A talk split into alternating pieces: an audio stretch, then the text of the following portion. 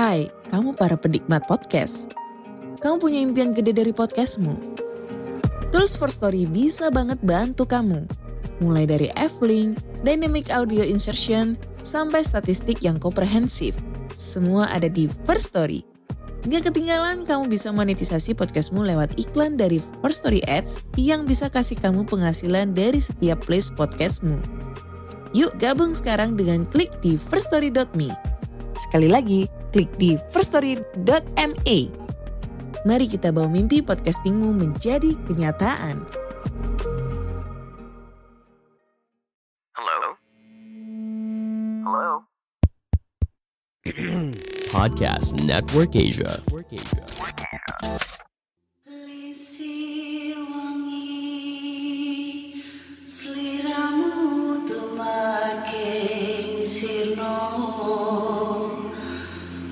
еще.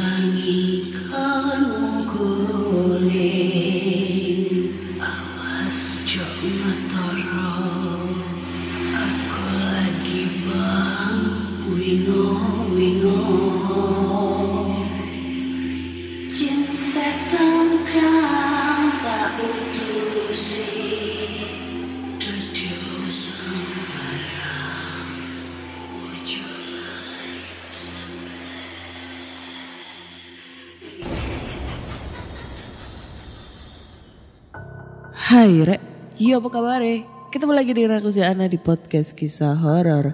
Kita bertemu di episode 194. Dan di episode kali ini aku membacakan cerita horor ataupun email berhantu yang sudah dikirimkan teman-teman melalui podcast kisah horor at gmail.com atau di Instagram podcast kisah horor serta Google Form yang linknya tersedia di bio Instagram podcast kisah horor. Mau ngomong apa ya? Lupa jadinya. Eh, eh, mau ngomong apa anjir? Opening ini aku agak sedikit bingung galau. Mau bahas apaan? Coba sih kita cek-cek dulu lah di noise. Apakah ada komentar-komentar yang harus kita komentarin nih? Udah kehabisan topik saya. Oke. Ntar dulu. Ya di noise ada satu komentar di episode Hotel Cirebon. Dia bilang uploadnya malam bener.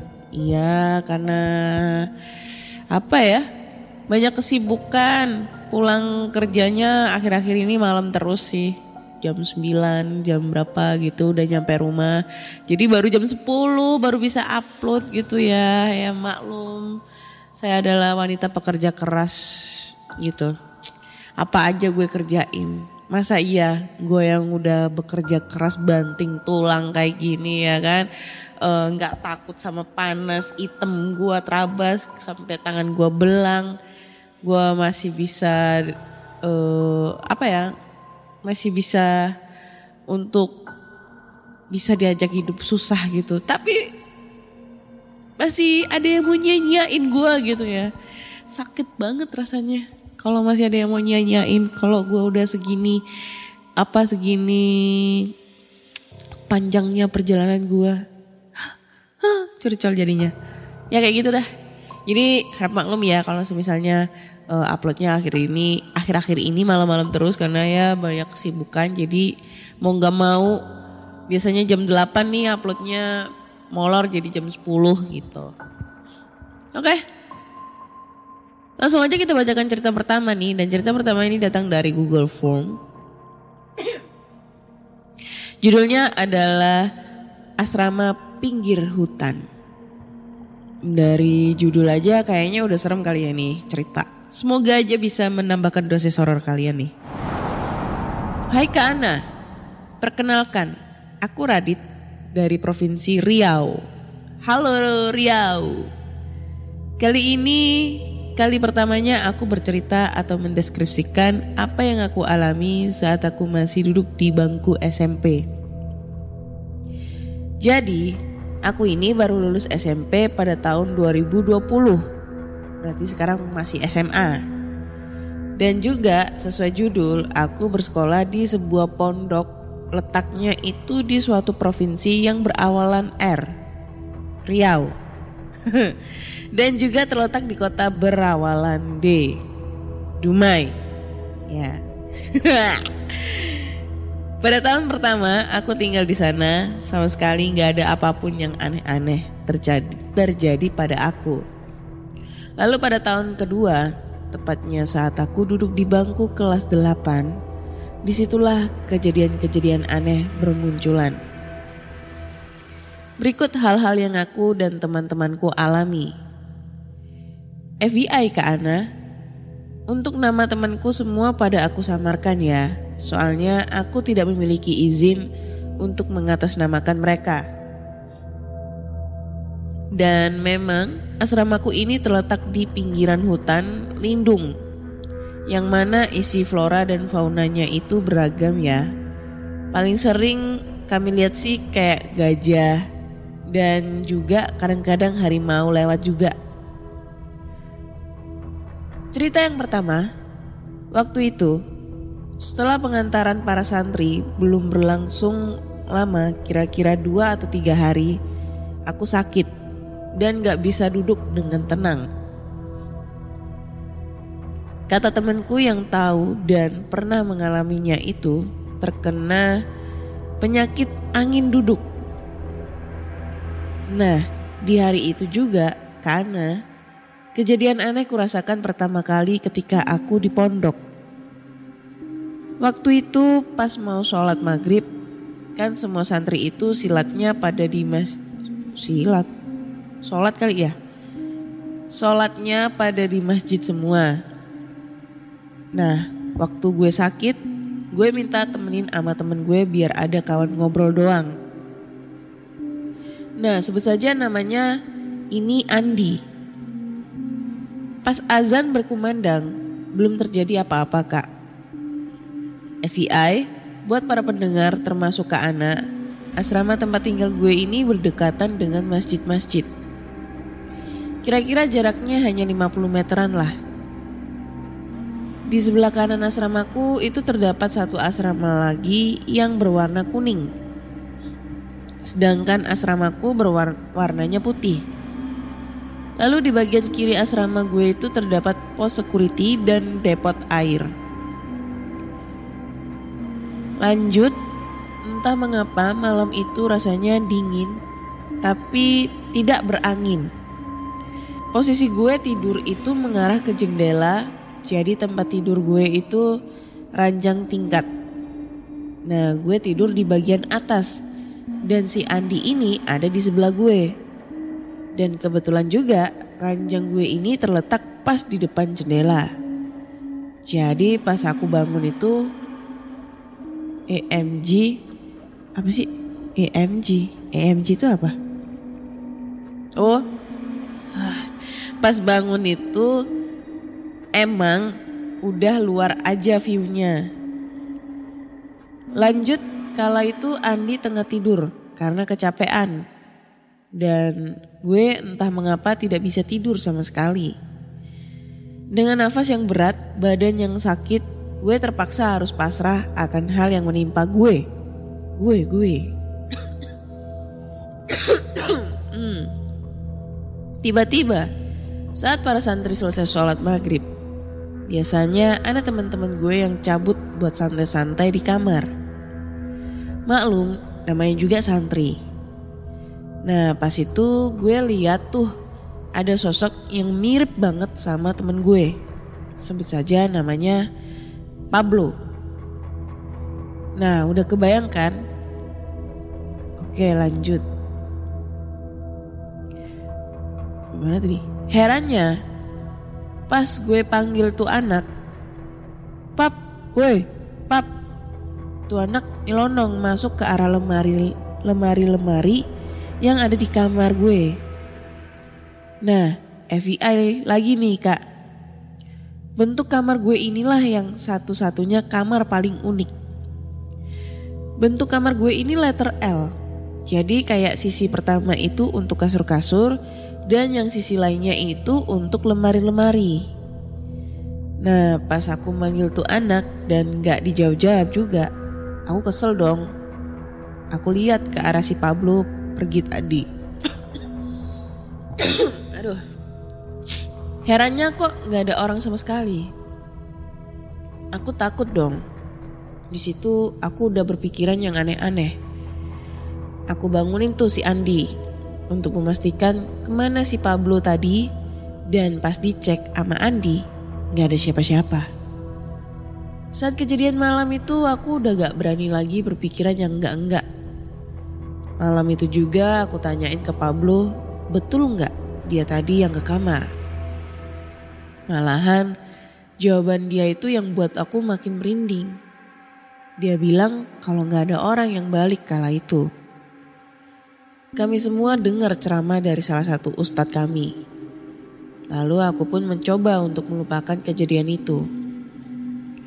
Kejadian selanjutnya sih yang aku alamin mungkin kalian para pendengar juga sering yang kayak beginian.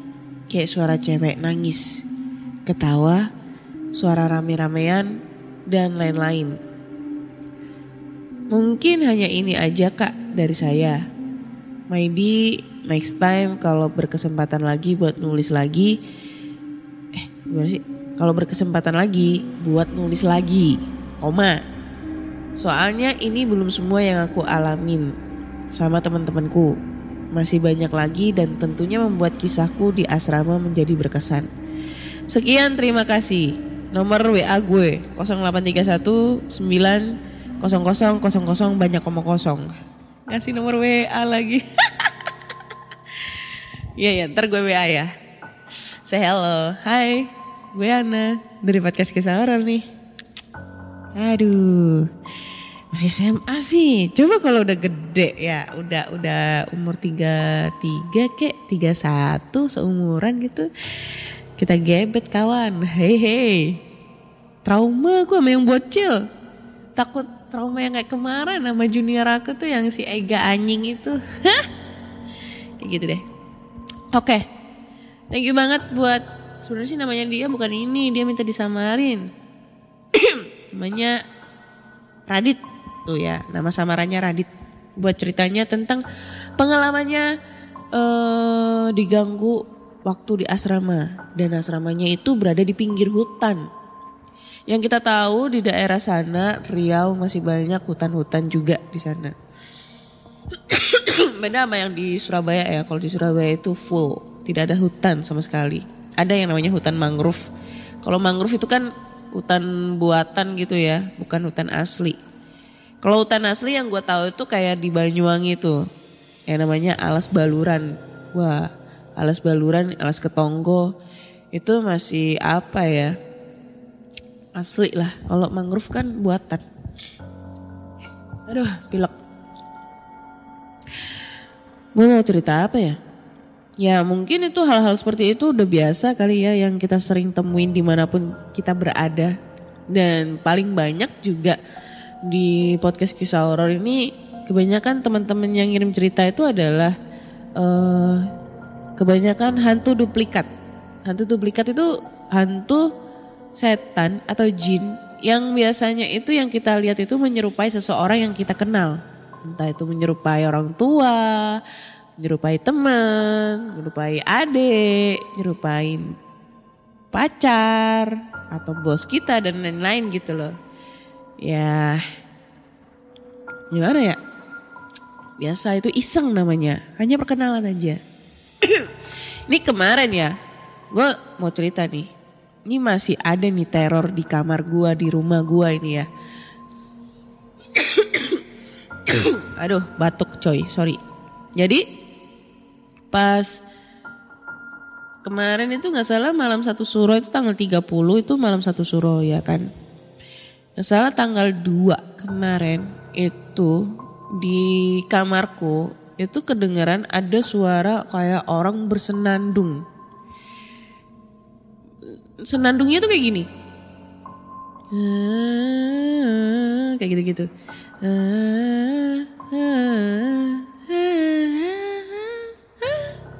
Gitu. Paling cuma sepersekian detik lah. Tapi suaranya itu agak samar-samar gitu. Enggak enggak maksudnya yang bukan yang jelas yang keras gitu, enggak. kedengaran jelas tapi suaranya lirih banget dan itu berada di depan kamarku, pas di depan kamar. Nih, gua kira itu adalah tetangga, ya kan? Mungkin lagi masih lagi melekan tuh di depan ya kan. Setelah itu bunyi hilang, eh, dua menit, satu menit, dua menit kemudian aku tuh keluar mau keluar kamar gitu kan, mau ke kamar mandi. Ini posisi kan kamar itu nggak pernah aku tutup kak pintunya.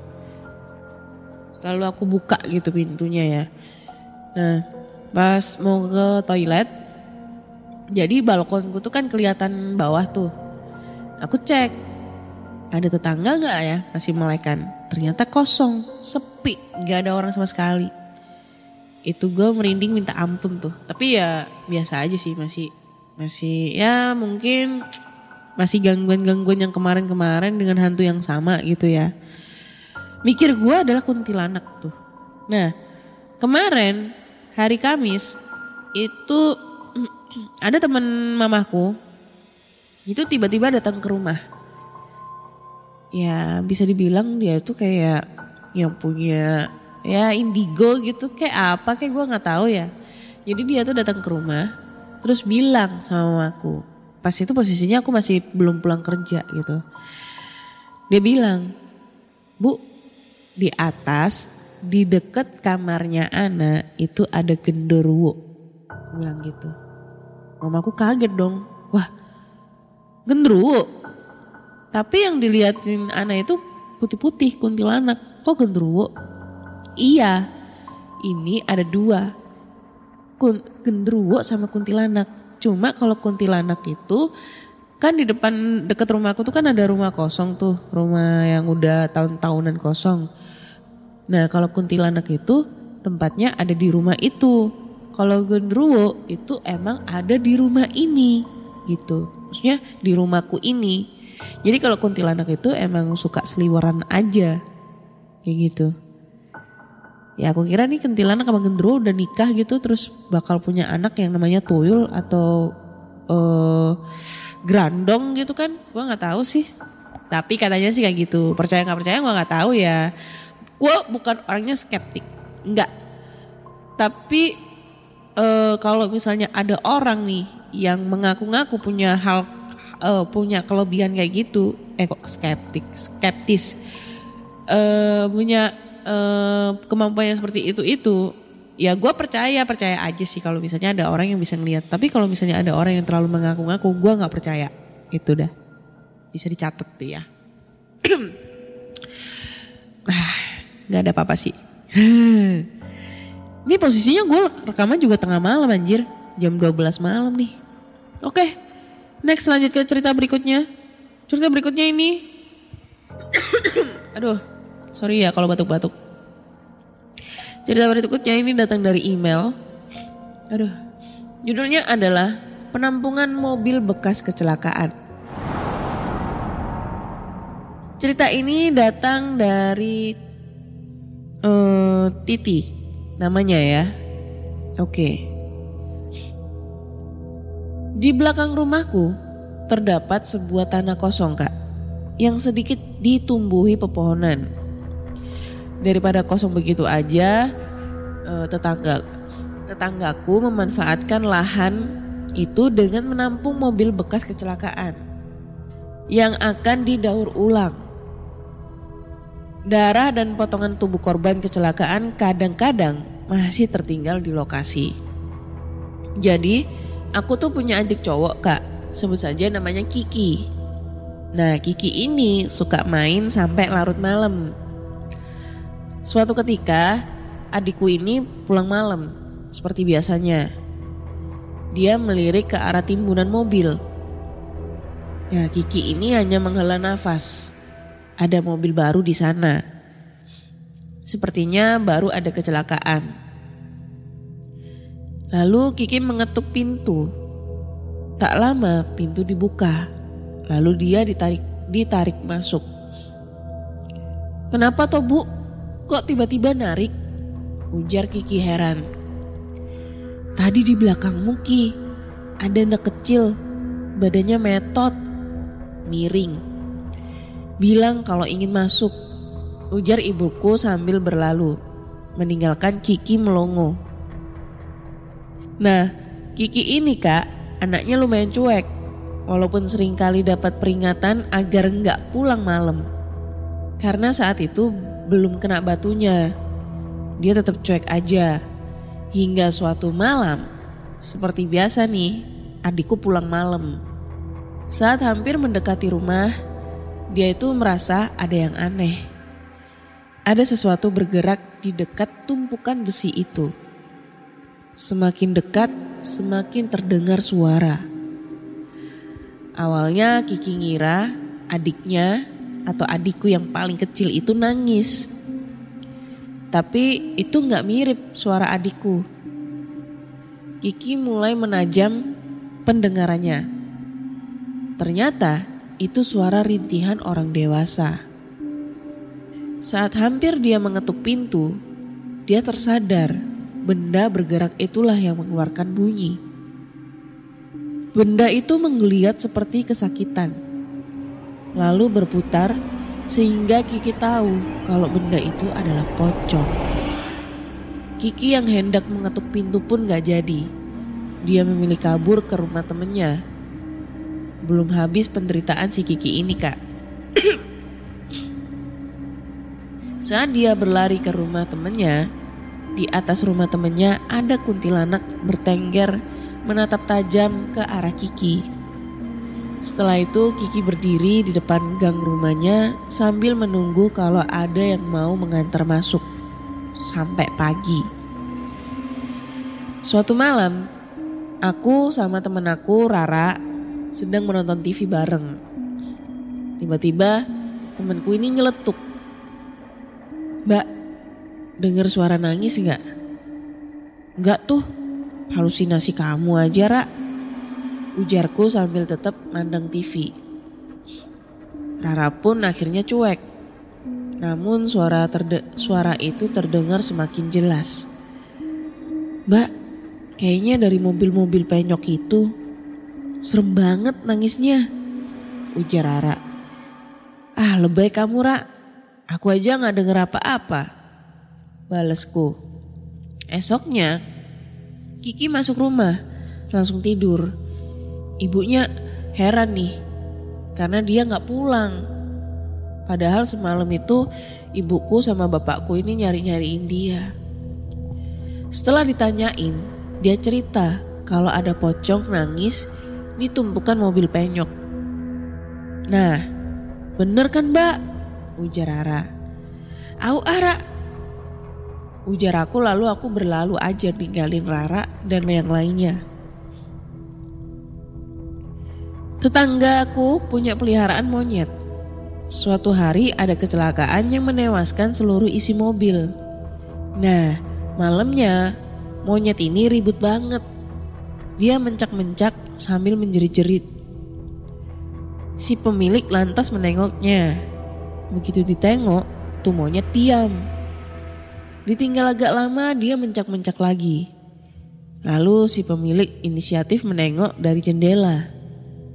Di sana duduk seorang anak kecil dengan kepala dan baju berlumuran darah. Anak itu menekan kepala monyet dari atas dan bawah. Wanjir. Lalu samar terdengar suara, "Aku tadi begini." si pemilik langsung mengambil sapu lidi dan mengangkatnya tinggi-tinggi. Seperti tadi, monyetnya langsung tenang. Lalu si monyet digenggamkan sepucuk lidi dan ditinggal masuk. Sampai besoknya tak terdengar si jeritan si monyet. Besoknya di ujung lidi ada noda merah. Nah rumahku ini kak punya pintu samping yang langsung ke kuburan mobil itu. Apa ini? Oh, suatu malam ada suara orang nangis. Tampaknya mereka sudah terbiasa dengan gangguan itu. Aduh, sakit. Tolong. Suara rintian itu memang terdengar menyakitkan. Tak lama, suara itu hilang. Namun pintu samping ada yang mengetuk. Wis, jangan dibuka. Ujar ibuku. Tiga kali ketukan tak digubris. Ketukannya hilang dan kembali jadi suara tangisan. Lalu besoknya ada bekas jejak berwarna merah dari pintu samping ke arah tumpukan mobil itu. Malam itu hawa terasa panas. Bapakku pun merasa kegerahan. Dia beranjak pergi ke teras rumah. Setelah menutup pintu, bapak tiduran. Angin berhembus membuat mata jadi berat. Bapak memutuskan menghisap rokok dulu. Pas rokok disulut, terdengar suara jeritan disusul bunyi tabrakan kenceng banget. Rokok yang menyala beserta koreknya terlempar. Si rokok mengenai paha hingga membuat bapak berjingkak. Langsung aja bapak menuju asal suara, yaitu kuburan mobil. Sementara itu, apa yang dilihat berbeda. Di sana sangat sunyi. Tak ada siapa pun. Tak ada apa pun juga. Sadar habis dikerjai, beliau melongos, eh melongos, melengos, mematikan rokok dan masuk ke rumah sambil memaki dalam hati.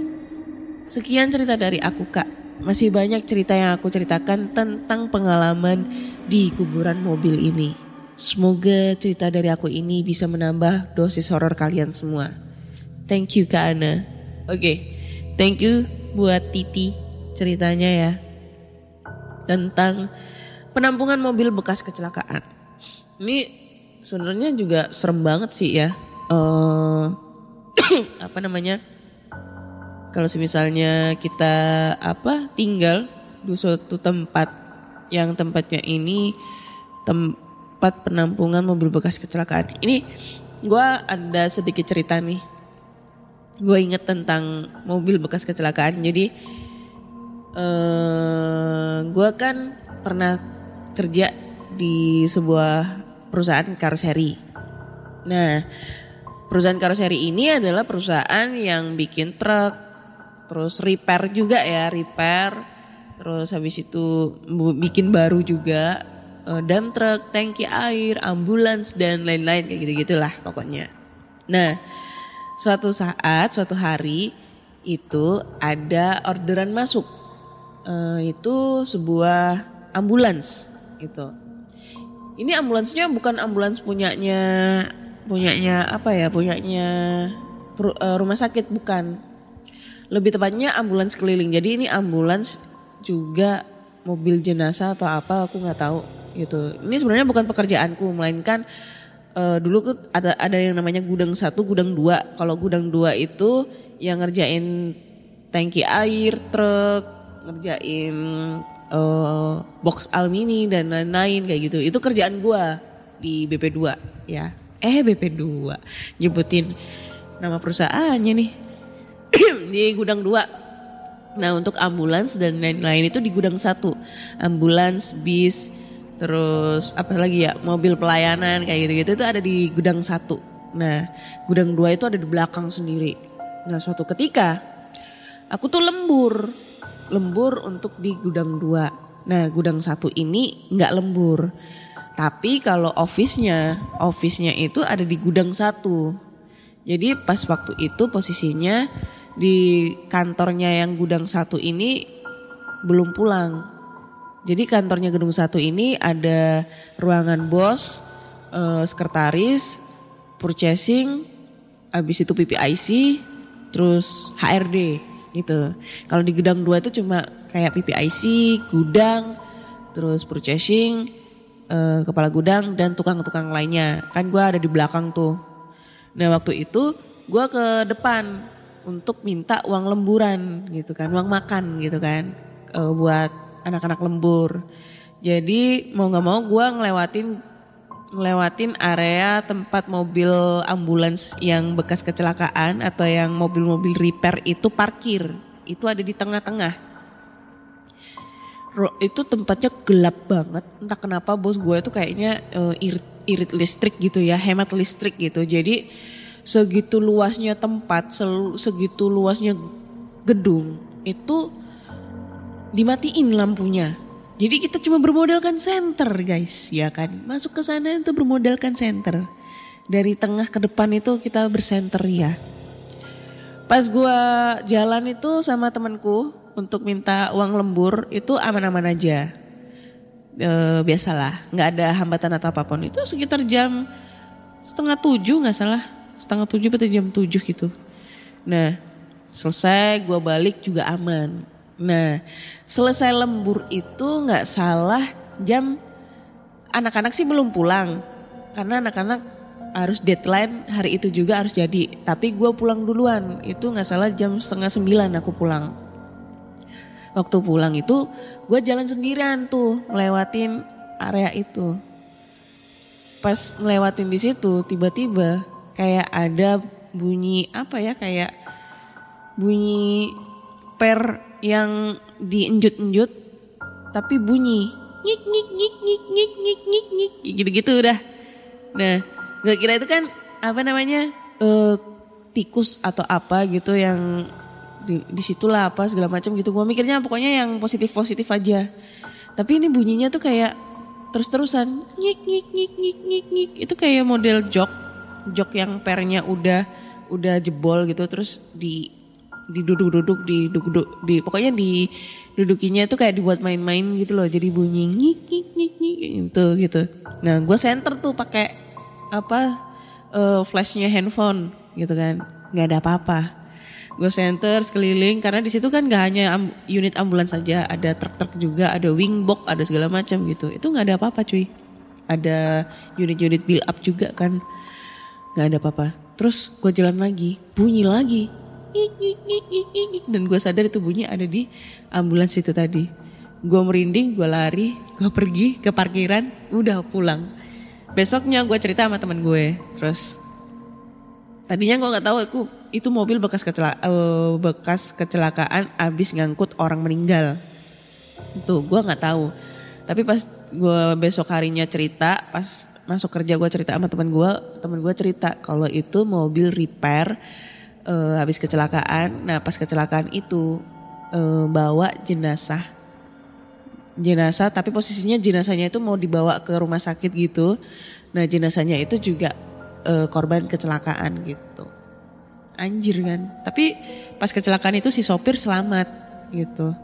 Ya cuma tabrak gitu yang bikin samping kanan itu penyok gitu loh yang harus di repair gitu. Serem sih anjir dan sampai sekarang gue masih kebayang-bayang sih kalau misalnya gue kerja di tempat situ itu be apa ya kalau kalian pernah apa ya kalau kalian bekerja di sana pada saat ini posisi di situ itu kalian bakal ngerasa ngeri dan serem banget karena emang eh, gelap banget gitu kalau malam. Udah sore tuh gelap banget.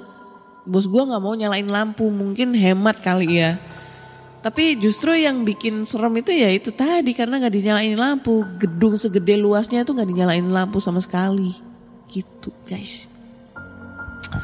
Oke kayaknya cukup sekian dulu cerita dari aku ini di episode 194 So buat teman-teman semua nih, kalau kalian penasaran dengan cerita-cerita lainnya, kalian bisa langsung aja dengerin podcast kisah horor di Spotify.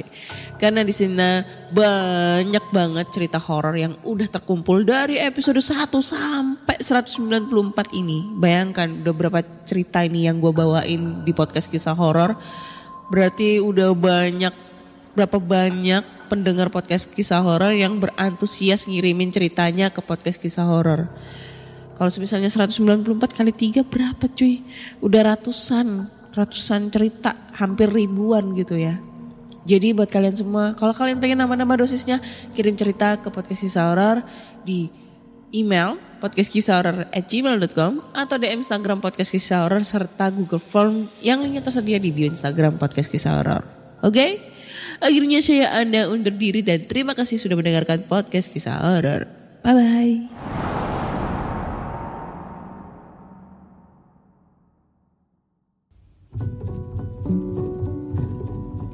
Pandangan dan opini yang disampaikan oleh kreator podcast, host, dan tamu tidak mencerminkan kebijakan resmi dan bagian dari podcast Network Asia.